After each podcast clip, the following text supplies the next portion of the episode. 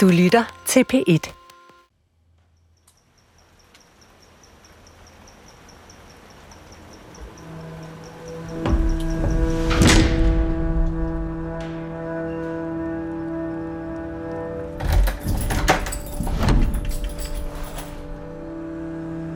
Else er efterhånden vant til de mange skeptiske blikke, der møder hende på vej igennem de mange forskellige sikkerhedstjek i Floridas statsfængsler.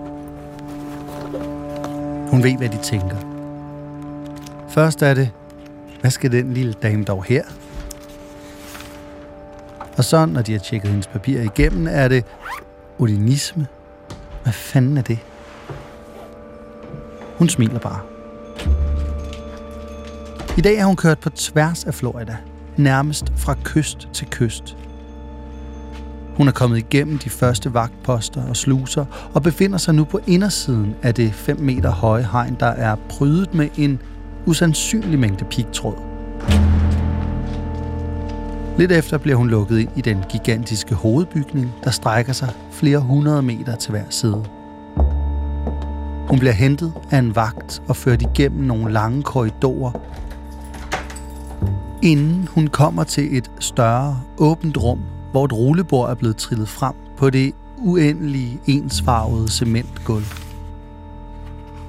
Hun har en stak bøger og nogle papirer under armen, som hun lægger på bordet, og så stiller hun sig ellers og venter.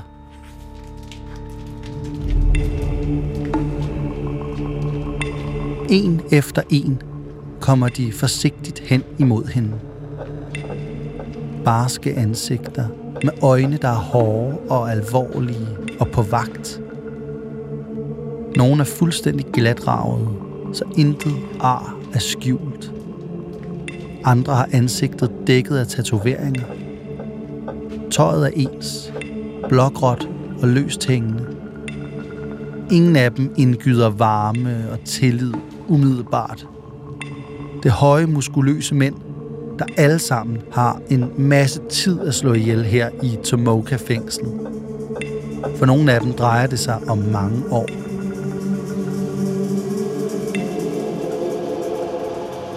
Den lille, ældre kvinde Else er altså omgivet af nogle af Floridas mest hårdkogte mænd. Og de fleste almindelige mennesker vil nok kategorisere dem som farlige. Men Else er på fornavn med dem – og de fleste almindelige mennesker vil nok heller ikke føle sig tilpas i sådan et maksimumsikret fængsel, hvor der både er en dødsgang og et gaskammer. Men Else trives fint. Og da mændene ser hende, sker der også noget med deres stenansigter. De bløder ligesom op. Og de sammenbitte munde bliver næsten til smil. Hun har deres respekt, den gamle dame. Mændene, der står rundt om Else, er alle sammen hvide. De er alle sammen dømte, og de er alle sammen fyldt med vrede og en følelse af at være blevet forrådt af samfundet. Else byder dem alle sammen velkommen, og så kan seancen begynde. begynde.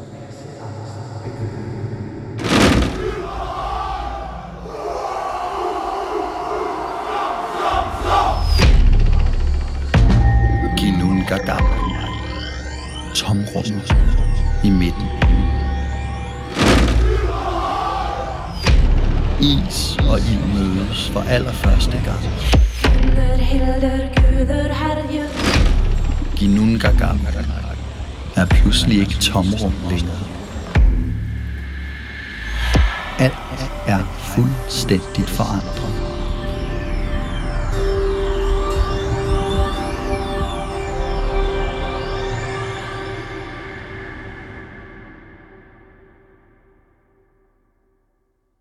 Else har startet en religion. Eller genfundet en, vil hun nok selv sige. Odinismen. En religion baseret på biologi. Det vil sige, at man kun kan tro på den skuder og få noget ud af ritualerne osv., hvis man er udstyret med det rette DNA.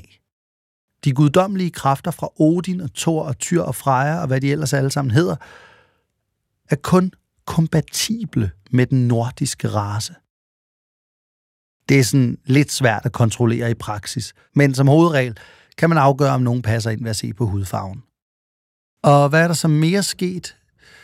Åh er død, og Elsa er gået på pension og er flyttet fra deres hjem i Kanada til en campingvogn i Florida. Her i USA er hun både tættere på flere af sine læsere og følgere og mulige samarbejdspartnere. Og så er der i det hele taget mere gang i den ariske fløj herover end i Kanada, hvor hun i længere tid har følt sig begrænset. Hun kan ikke bare sige eller skrive hvad som helst derover, men i USA er der højere til loftet. Vi er i starten af 80'erne, og der er efterhånden en del abonnenter på hendes blad The Odinist, der har kørt i 10 år. Der er blevet etableret en Else-inspireret Odin-kult så langt væk som i Spanien. Og i USA og Kanada er der også poppet flere små lokale odinistgrupper op rundt omkring. Nogle af dem er meget vikingeagtige, og man har vikingetøj på og drikker mjød af horn og offrer dyr til guderne. Andre kører en lidt mere standard konservativ dresscode. Det er også mere Elses stil. Og her handler det mere om at diskutere identitetspolitik, end om at udføre ritualer. Og så er der jo også Elses nye persona, The Folk Mother, og de særlige kræfter, der følger med. Det er ikke hende selv, der har givet hende navnet, men folk er begyndt at kalde hende det. Og vi ved jo, for det siger de både i Spider-Man og i Pippi Langstrømpe, at med stor styrke følger der et stort ansvar. Og det er som om, at Else føjer en ny dimension til den visdom, for hendes superkraft viser sig især at være evnen til at snakke med dem, som ingen vil tage ansvar for. Men som samtidig bærer ansvaret for alt muligt forfærdeligt. Var det lidt kringlet? Det betyder egentlig bare, at Else, hun er god til at snakke med dem, som ingen andre vil snakke med.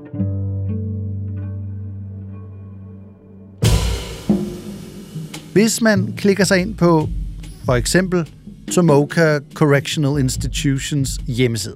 Today we meet a man. Let's call him Joe. Eller et hvert andet af Floridas mange fængsler. Joe has fallen on hard times and was sentenced to five years in prison. Kan man se en lang liste over alle de kurser og studiegrupper, man kan tage del i, hvis man sidder i fængsel der. Joe enters a correctional system with an increased focus on rehabilitation and restoration Der bliver udbudt kurser i alt fra musikteori til anger management. that can be addressed through programs and services. Og så er der også en lang liste over alle de religiøse grupper, som afholder forskellige seancer og ritualer inde i fængslet. Der er noget for katolikker, for jøder, for Jehovas vidner, og sørme også en Odinist Study Group for odinister. Og hvem var det mund, der i sin tid fik den idé? Selvfølgelig Else. Altså, jeg er jo ikke interesseret i at gøre The Odinist Fellowship til en klub kun for fanger eller eksfanger. Men fordelen ved dem er, at når du nu sidder i et fængsel, så har du masser af tid til at tænke over det, du læser. Og du har i det hele taget tid til at læse. Vi skal jo også huske på, at de ikke har noget bedre at tage sig til. Florida, skurvogn. Kaffe. Placerer lige Elsa og Thor på to stole. De snakker om fængslerne. The Odinist Fellowship Prison Outreach Program. Stor succes. Men der er jo flere og flere fanger, der viser interesse for odinisme. Og nogle af dem har uden tvivl et potentiale. Belæste, intelligente folk, der bare er ind på den forkerte side af loven af den ene eller den anden grund. Og når man tænker på, hvor mange tåbelige love vi har, så er det måske ikke så svært at forstå i visse tilfælde. Jo mere de to snakker, jo mere indser Thor, hvor langt forud for sin tid Else var dengang i 1981, da hun tog sin oldnordiske religion og bar den ind i Floridas fængselssystem. Jeg tog op til Tallahassee og hen til fængselspræsternes hovedkontor, hvor jeg fik fat i en af cheferne. Tallahassee er Floridas hovedstad. Jeg havde sendt nogle af vores blade i forvejen, og så snakkede vi lidt om dem. Og han kunne jo ikke komme udenom, at odinisme har, hvad der skal til for at blive anerkendt som en rigtig religion. Der er mytologi, og et verdensbillede, en kosmologi og så videre. Hun opdagede, at der i fængslerne rundt omkring var stor efterspørgsel på The Odinist, altså hendes blad. Men de her læsere oplevede desværre, at nogen forsøgte at forhindre de nordiske guder i at få adgang til cellerne. Og så måtte Elsio tage sagen i egen hånd. Og grunden til, at jeg gjorde det, var, at en del af de lokale fængselspræster ikke var specielt begejstret for, at nogen af de indsatte fik tilsendt vores blade, eller at jeg kom på besøg. Men jeg fik altså deres chef med på at acceptere ordinisme som en rigtig religion. Og så kunne de underordnede præster jo ikke rigtig gøre noget ved hverken af vores blade, eller jeg selv kom ind i fængselsporten. Det var i starten af 80'erne. Thor er imponeret. Else har skrevet amerikansk historie. Det er altså en lille dame, der der har banket på hos magten og fået dem til at ændre reglerne og anerkende en helt ny trosretning. Endda en ret kontroversiel trosretning. Det ved både Thor og Else udmærket begge to, at den er. Men hvad er det så egentlig Else vil? Hvad er hendes mål? Det er egentlig meget enkelt. Hun ser en fremtid for sig, hvor små ariske grupper bor i små selvforsynende landsbyer. De lever fra hånden til munden, udenom både det kapitalistiske og politiske og juridiske system. Ingen stor stat, ingen myndigheder, bare små ariske stammer, der lever efter et stramt og værdigt, og vel i bund og grund oldnordisk moralkodex som eneste lov, og som ærer og beskytter og lever i pagt med naturen. Fred og harmoni, leende børn, blomster, små kaniner. Og altså, hvis man lige fjerner den der del med det ariske, så lyder det da ret okay. Så det er jo bare ligesom alle de folk, jeg kender, der drømmer om at flytte, eller allerede er flyttet, i et øh, selvforsynende, biodynamisk bofællesskab på landet. Anti-hamsterhjul, anti-lønslaveri. Kender I det ikke også fra jer selv? Nogle af jer gør, det ved jeg. Men der er bare lige det ved det, at man ikke bare kan fjerne det raserene, ariske element fra Elses drøm. Altså, Else og Åge kom jo i sin tid frem til, at Nordens folk og deres sande og sunde værdier i tusind år har været undertrykt af kristendommen, som er en udløber af jødedommen, og at der sidder en jødisk magtelite et eller andet sted og styrer hele verdens korrupte og uretfærdige og udnyttende kapitalistiske system. Den idé har Else også fået bestyrket, fordi hun har læst en bog af en fyr, der hedder Francis Parker Yockey, med stor entusiasme. Og en af hans pointer er, at Holocaust og hele 2. verdenskrig i bund og grund var et snedigt jødisk setup for at få de stolte germanere og nordeuropæere ned med nakken. Plus en masse andre ret vilde og langt ude idéer. Det behøver vi ikke tænke på nu. Men ham her, Yockey, der har skrevet den bog, han ender med at blive fanget af CIA, og han bliver kylet i fængsel, hvor han dør. Formentlig fordi han spiser en cyanidpille. Hele den historie har kun gjort Else endnu mere overbevist om den jødiske deep states allestedsnærværelse, og at CIA hjælper ved systematisk at fjerne de folk, der prøver på at fortælle, hvordan verden i virkeligheden hænger sammen. Så derfor er det altså også et spørgsmål om liv og død for hende, nærmest. Den ariske races eksistens står på spil – og hun har så deduceret sig frem til, at en raseren arisk anarkosyndikalistisk drøm med et konservativt værdisæt i små selvforsynende stammer er løsning. Her kan små ariske børn vokse op i både den rette kultur og med den rette genetik. Det har også fået Else til at blive en varm fortaler for arrangerede ægteskaber. Mange steder i Europa har det indtil for nylig været reglen, at forældre valgte, hvem deres børn skulle giftes med. Det lader til ofte at være en bedre idé, end at lade de unge mennesker vælge selv. Alt det vi hører om, hvad det vil sige at være lykkelig, At blive forelsket og den søde kærlighed er langt mere farligt for vores civilisations fremtid end nogen epidemi, menneskeheden har oplevet indtil nu. Man tror, at kærlighed er det samme som sex. At ægteskab betyder, at man skal have det sjovt, og at opdrage børn er ligesom at lege med dukker. Men sådan er det desværre bare ikke. Man siger jo, at lige børn leger bedst. Og det gælder både i forhold til race og i forhold til kultur.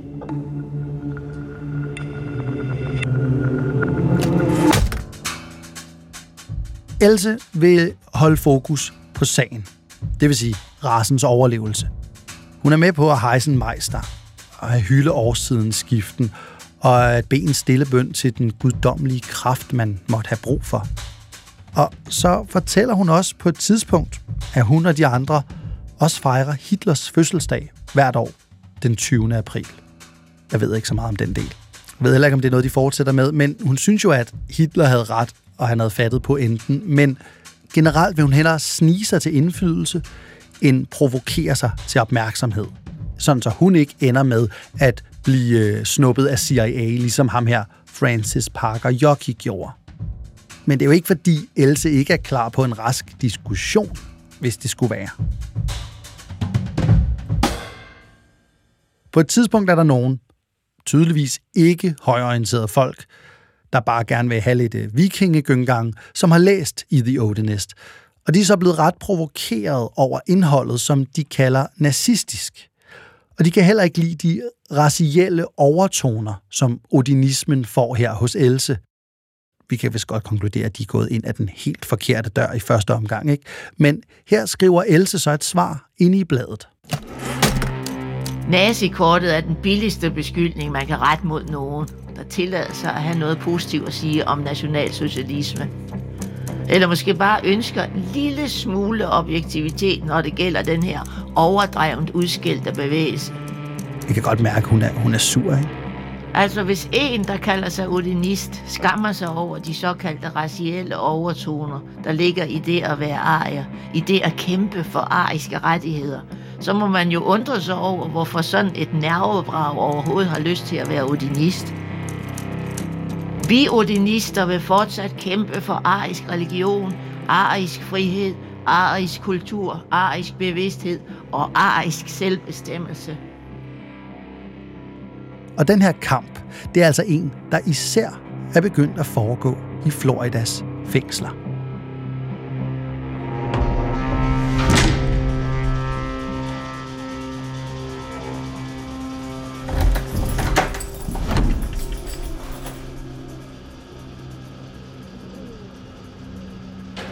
Der sidder syv fanger rundt om bordet. Else har delt nogle pamfletter ud. Det er ikke en højtidlig seance. De syv mænd har ikke brug for velsignelser eller den slags. De har brug for råd og vejledning. De vil ud herfra. Og når det sker, vil de være bedre udgaver af sig selv.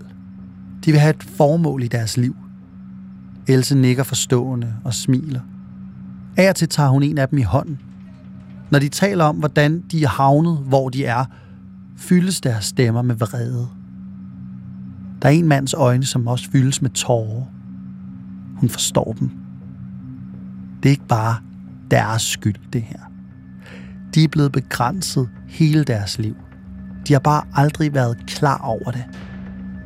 Det er simpelthen unaturligt for dem, at det bliver forventet, at de føjer de sorte, eller latinoerne, eller jøderne. Men det har de været tvunget til. Men hun ved også, at de har, hvad der skal til for at hæve sig over samfundets depraverede og deprimerende livsudsugende grød og stå fast som Skandinaviens solide tusindårige bagtasten hakket ud af det norske fjeld. Hun mærker, hvordan deres vejrtrækning bliver roligere, når hun fortæller dem det. Hun ser deres bryst skyde sig frem. Hun ser lyset i deres øjne. Hun kan ikke lade være med at tænke på Åge. Han vil være godt tilfreds.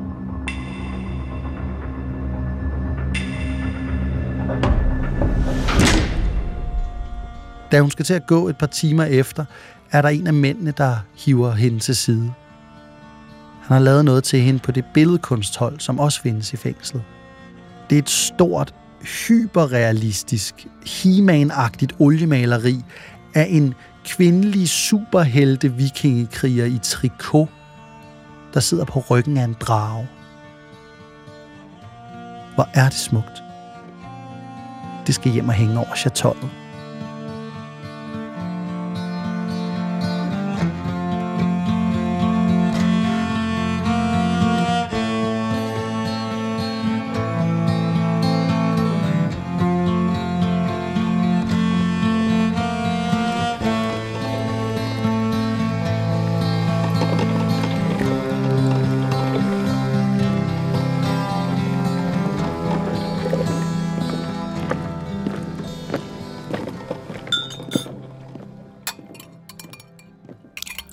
Elsa har hentet en frisk kande kaffe, som hun skænker op.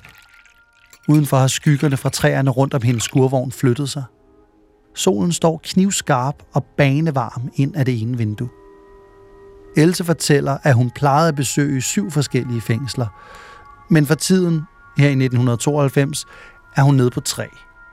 Hun er jo en halvgammel pige efterhånden. Der er ikke så lang tid til, hun fylder 80, men interessen fra de indsatte er ikke blevet mindre med årene. Tværtimod. Hun er pennevenner med op mod 200 indsatte over hele landet, ud over dem, hun besøger fast. Og hver gang der kommer en ny en ind i flokken, tager han gerne hele sin familie med. Og på den måde vokser hendes følgeskar hele tiden. Der er små 1000 betalende abonnenter på The Odinist, og det er et højt tal, når man sammenligner med de konkurrerende grupper, der beskæftiger sig med enten den nordiske mytologi eller raserenhedskampen og så er der jo ud over det også alle de fanger, som hun igennem tiden har givet et gratis abonnement. Hun har en følelse af, at hun kan tilbyde de her mænd noget, de ikke kan få i andre fællesskaber. De fleste af de indsatte, de kontakter mig da. Og så kommer jeg forbi, og vi snakker mest. Det kan være om guderne, eller om vores idealer, eller vores historie. Og Det har de der brug for. Mange af dem er jo frustreret over, at der er Black History Month og den slags. Der er ikke noget, der hedder White History Month. Men altså inden for de næste 30-50 år, så er de hvide jo i undertal her i USA. Det ved jeg ikke, om du har tænkt på. Så kan det jo være, at vi kan kræve minoritetsrettigheder. Thor griner også. Han tager omhyggelige noter, imens Else fortæller – hun har aldrig åbnet så meget op om sit privatliv og The Odinist Fellowship, som hun har gjort i de efterhånden mange timer, de har siddet over for hinanden. Han ved også godt, hvorfor hun ikke har talt før. Hun har været bange. Hun har følt sig overvåget, både af myndighederne, men især af jøderne. Hun tænker især på en speciel organisation i USA, der kalder sig ADL, Anti-Defamation League, en organisation, som i over 100 år har kæmpet mod undertrykkelse og had og justitsmor og forskelsbehandling af jøder i Amerika. Dem er hun bange for. Odinisterne står opgivet på deres liste over ekstremistiske og farlige grupperinger, og hun er sikker på, de holder øje med hende. Det kunne jo godt lyde lidt paranoid, det her. Altså en gammel dame i en skurvogn i en forsad i Florida, der bliver overvåget men faktisk så bliver det ret kort tid efter, at Elsa og Thor mødes her, afsløret, at den her Anti-Defamation League har overvåget en masse organisationer og personer, både på den yderste højrefløj, men også på den yderste venstrefløj. Også nogle miljøorganisationer. Så sandsynligheden for, at Else faktisk har fat i noget, den er ret stor. Nå, men nu har hun altså åbnet op alligevel. Måske også mere end planlagt. Elsa og Thor har snakket i flere timer, men øh, nu er samtalen også ved at være nået til sin naturlige slutning. Thor rejser sig fra sin stol. De småsnakker og griner. Else har vist nyt det her lige så meget, som han selv har. Det er også mange år, hvor hun er gået mere eller mindre alene med sin historie. Han glæder sig til at komme hjem og skrive det hele sammen til en artikel, som skal udkomme i et af de andre odinistiske magasiner, som er spiret frem i kølvandet på Elses blad. Hun trykker hans hånd og kigger ham direkte i øjnene, da han går derfra. Og hun står på den lille vakkelvogne trappe og smiler og vinker, da Thor går ned mod bilen. Hun tripper ind i skurvognen igen. Ind til alle bøgerne. Til væggen med det tapisserede sydstatsflag med motorcyklen. Til vikingemaleriet med dragen. Hun er gammel nu, men hun har gjort det godt, synes Thor. Og hun gør det stadig godt. Det synes hun også selv. Det kan der ikke være nogen tvivl om. Og er hun stadig til at skrive, og er hun ikke er blevet knækket af systemet, the establishment endnu, det vidner også om hendes urskandinaviske råstyrke. Solen står lavt over Floridas vestkyst, da bilen bakker ud fra trailerparken i Crystal River og sætter i gear.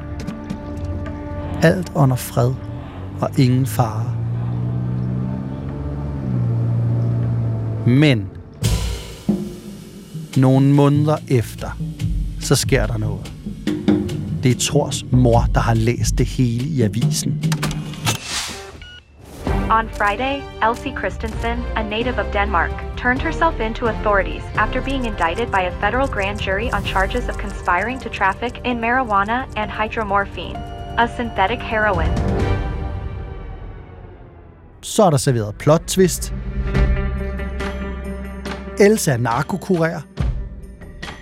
Det er jo helt langt ude. Hvordan skal det dog ende? Følg med i næste afsnit.